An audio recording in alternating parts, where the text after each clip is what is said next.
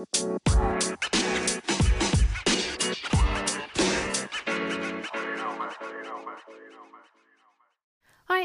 mijn naam is Janneke en welkom bij mijn Positief met Pubers podcast. De podcast waarin ik elke week vragen van ouders beantwoord over het opvoeden van pubers. Iets wat ik geweldig vind en waar ik gewoon heel blij van word. Ik denk graag met je mee, geef je concrete suggesties die je direct kan toepassen in jouw situatie. Mijn doel met deze podcast is jou te inspireren en te triggeren om anders te gaan kijken naar je puber, anders te gaan praten tegen je puber en anders om te gaan met puberproblemen. Heb je zelf een keer een vraag of een suggestie? Ze zijn altijd welkom. Je kan me vinden op Instagram op Janneke underscore je pubercoach of stuur mij een mailtje via info.conductien.nl nou, gaan gauw naar de podcast, aflevering van vandaag. Veel luisterplezier. Lieve groet. Hey, hey. Een nieuwe Positief in Pubers podcast staat weer voor je klaar. En uh, nou ja, allereerst, weet je, ik vind het gewoon elke keer weer super tof om terug te zien en te horen wat de podcast met jullie doet. Zo ook weer de podcast van afgelopen maandag over uh, die 3,3 voor wiskunde en hoe je daar als ouder mee om kan gaan en hoe je ervoor kan zorgen dat je zelf rustig kan blijven. Nou ja, dat verhaal. De, aanleiding daarvan ook weer een aantal berichtjes gekregen van ouders dat ik denk van, oh wauw, weet je, zo, en ik hoop dat jij ook zo bent, zo bij zichzelf nadenkt. Oh, maar wacht even, dit doe ik ook. Oh, dus als ik zo reageer, of als ik anders reageer, of als ik de bal bij mijn puber neerleg, dan is het effect anders. Kan ik rustiger blijven? Of kan ik rustiger, kan ik me kalmer blijven? Kan ik ontspannen reageren en niet gefrustreerd? En dan helpt dat mijn puber ook weer. Dus op die manier nadenken, op die manier naar jezelf en naar je eigen functioneren kijken. Want dat, dat doe je op je werk ook. Dus weet je, sta jezelf ook toe om dat in de opvoeding te doen.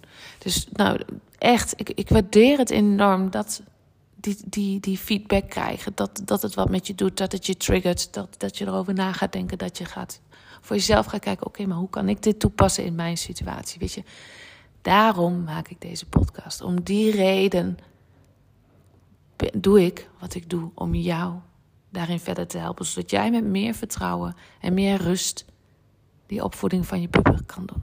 Oké, nou, dat wilde ik even gezegd hebben.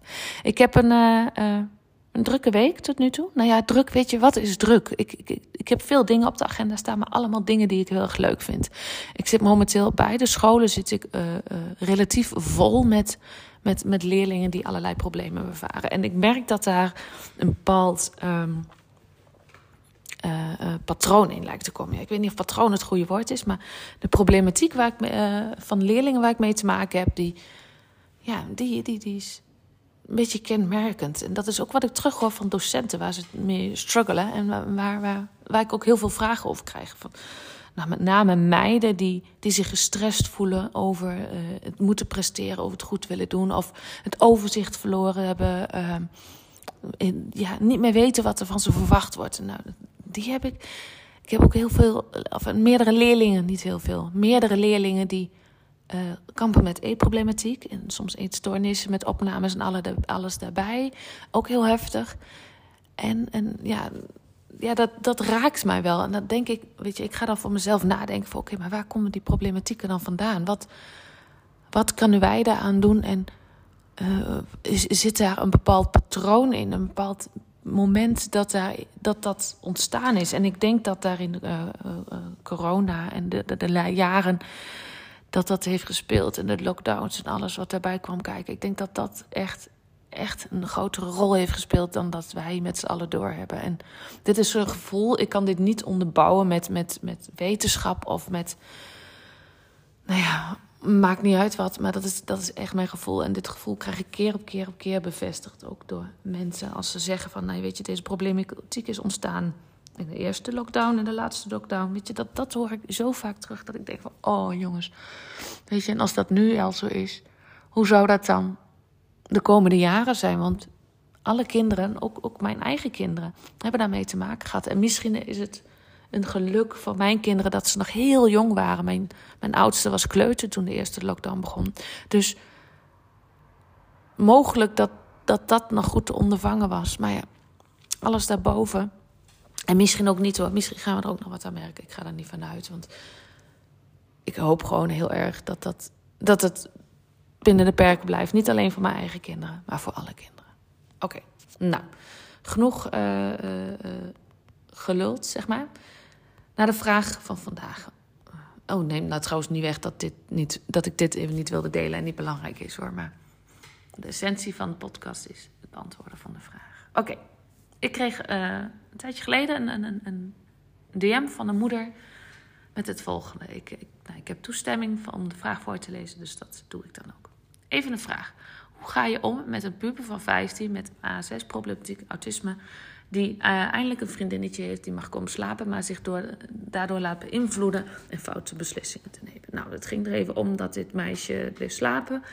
En uh, uh, in dat andere meisje, de opa, was heel ziek. En midden in de nacht heeft die moeder gebeld via, via Snapchat gemeld dat opa is overleden. Nou ja, vriendinnetje ging daarop eh, logischerwijs in paniek en wilde door het venster vertrekken naar huis. En de dochter die is er achteraan gegaan.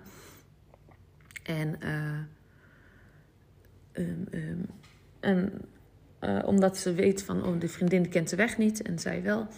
En moeder werd wakker en uh, ziet direct, niet direct iets. Dus ik kijk op mijn gsm en zie de melding dat de dochter het huis heeft verlaten via de, via de link. Nou, uh, dus ze vroeg zich af, hoe ga ik hier nu mee om? Want in haar ogen heeft ze haar vriendin geholpen. Nou goed, allereerst ben ik altijd heel erg blij met, met de openheid als mijn uh, ouders een vraag stellen. Want dat vind ik heel erg fijn. Want daardoor krijg ik meer context en kan ik ook beter mijn visie erop geven. Dus dat heb ik bij deze moeder ook gedaan. Nou ja, wat ik daar teruggegeven heb, is deel ik nu met jullie, maar dan een uitgebreide versie. Nou ja, weet je, wat ik in dit verhaal van deze moeder teruglees, ik heb jou de samenvatting gegeven, maar wat ik teruglees is dat haar dochter vanuit haar perspectief uh, een, een, een goede vriendin wilde zijn. En in, zij heeft gehandeld naar wat in haar ogen, voor haar gevoel, op dat moment een goede vriendin zou doen. En dat is echt heel mooi om te lezen, denk ik. Dat, dat, dat het niet zo'n handige keuze is om s'nachts om drie uur blote, met de blote voeten naar buiten te gaan. Ja, weet je, dat, dat is zo. Maar het idee van, oh, mijn vriendin loopt naar buiten, want haar opa is overleden. Dus ze is waarschijnlijk heel erg verdrietig, heel erg boos. Nou ja, whatever. En loopt naar huis, maar weet de weg niet. Ja, weet je, ik zou waarschijnlijk dezelfde keuze maken. Ik weet niet of ik dat op blote voeten zou doen, maar ik zou ook de keuze maken om daar achteraan te gaan. Maar als ouder kan ik me ook heel goed voorstellen dat dit invloed heeft op je gemoedsrust. En dat dat, dat, dat wat met je doet. Allereerst zou ik uh, de bewuste moeder uh, even een belletje doen of even langs gaan. Maar even aangeven van God, dat het misschien niet zo'n handig moment is geweest om te bellen of om, om contact te zoeken. Uh, weet je, maar bel dan s ochtends of uh, informeer mij als ouder. Maar niet om drie uur s'nachts je dochter. Dus dat is interessant. Maar wat je ook altijd even kan doen, is kijken vanuit je eigen. Oké, maar wat kan ik mijn dochter meegeven om hier de volgende keer anders mee om te gaan? Dus nou, met de dochter zou ik dus in gesprek gaan en sparren over de situatie en wat je dan de volgende keer ook zou kunnen doen, wat ook een oplossing kan zijn.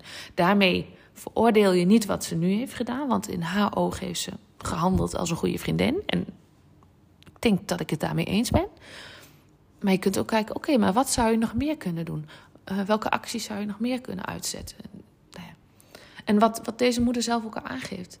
Zij heeft gewoon het gevoel dat ze haar vriendin geholpen heeft. En dat is ook zo. Maar ze zou ook op andere manieren nog kunnen helpen. En hoe? Nou ja, dat kun je, um, kun je met je dochter bespreken. Nou, deze moeder gaf terug dat uh, de bewuste moeder uh, van die andere vriendin uh, geen Nederlands is en nauwelijks Nederlands kan. Dus dat wordt wat lastiger. En uh, die dochter vertelde ook dat ze jaloers was op, op, op haar dochter. Dus, oh ja, om het makkelijk te maken, die vriendin vertelde ook dat ze jaloers was op eh, de dochter, omdat ze uh, zo met ouders kan praten en ouders zo betrokken zijn. En dat kent zij niet vanuit haar opvoeding. En uh, nou, moeder geeft ook aan dat ze zojuist gepraat hebben over de situatie. En dat ze het goed vond dat ze vanuit, vanuit haar perspectief goed gehandeld heeft. En dat ze vooral ehm, um, um, moet gaan mag gaan nadenken over: oké, maar wat zou ik nog meer kunnen doen? Zonder daar een oordeel over te hebben. Nou ja, weet je wat. Het is natuurlijk vervelend dat je niet met die bewuste moeder in gesprek kan. Maar het is nog belangrijk om te kijken: oké, maar wat kan ik mijn puber meegeven in deze situatie? Ehm, zodat zij daarvan leert. Zodat zij het gevoel heeft: nou, ik heb goed gehandeld en ik heb er wat van geleerd. Dus onderzoek voor jezelf waar je wel invloed op uit kan oefenen. En ga daarop inzetten. Dus beïnvloeding en uh, groepsdruk zijn thema's die, die heel erg spelen voor pubers. Weet je, wanneer doe ik het goed? Wanneer doe ik het niet goed? Als ik dit doe, dan worden mijn ouders boos. Als ik dit doe, kan ik, kan ik mijn vrienden verliezen. Nou ja, dat gevoel hebben ze. Wat is daarin goed? En daarin, ja, weet je, ze gaan ze ontdekken. Dus veroordeel ze niet als ze bepaalde acties doen waarvan jij zegt, mm, niet zo handig, of waar jij zelfs boos van wordt. Weet je, ze zijn zo aan het leren, ze zijn zo aan het ontdekken wat ze wel en wat ze niet kunnen en wat ze wel en wat ze niet mogen. Ze zijn aan het zoeken, ze zijn echt gewoon letterlijk zoekende. Daarbij hebben ze jouw sturing, jouw begeleiding en jouw inspiratie nodig. Als jij die niet geeft, weten ze niet of het goed of fout is. Dus als jij dan alleen boos wordt, dan heeft dat een negatief effect op hun welbevinden, op hoe ze zich voelen, wat ze doen en ook om, op hun drive om dingen te ontdekken. Dus veroordeel ze niet op hun acties. Zeker niet acties zoals deze, dus, uh, waarbij ze beïnvloed waren. Maar kijk vooral en onderzoek met elkaar vooral: oké, wat je nu gedaan hebt vanuit jouw oogpunt, snap ik dat? Wat zou je de volgende keer nog meer kunnen doen?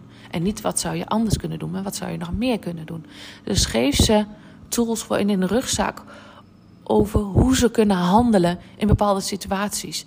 Hoe ze kunnen omgaan met, met druk van vrienden. Hoe ze kunnen omgaan met uh, het luisteren naar je eigen gevoel. Het doen wat voor jou goed voelt. Dat is veel belangrijker dan veroordelen wat ze hebben gedaan.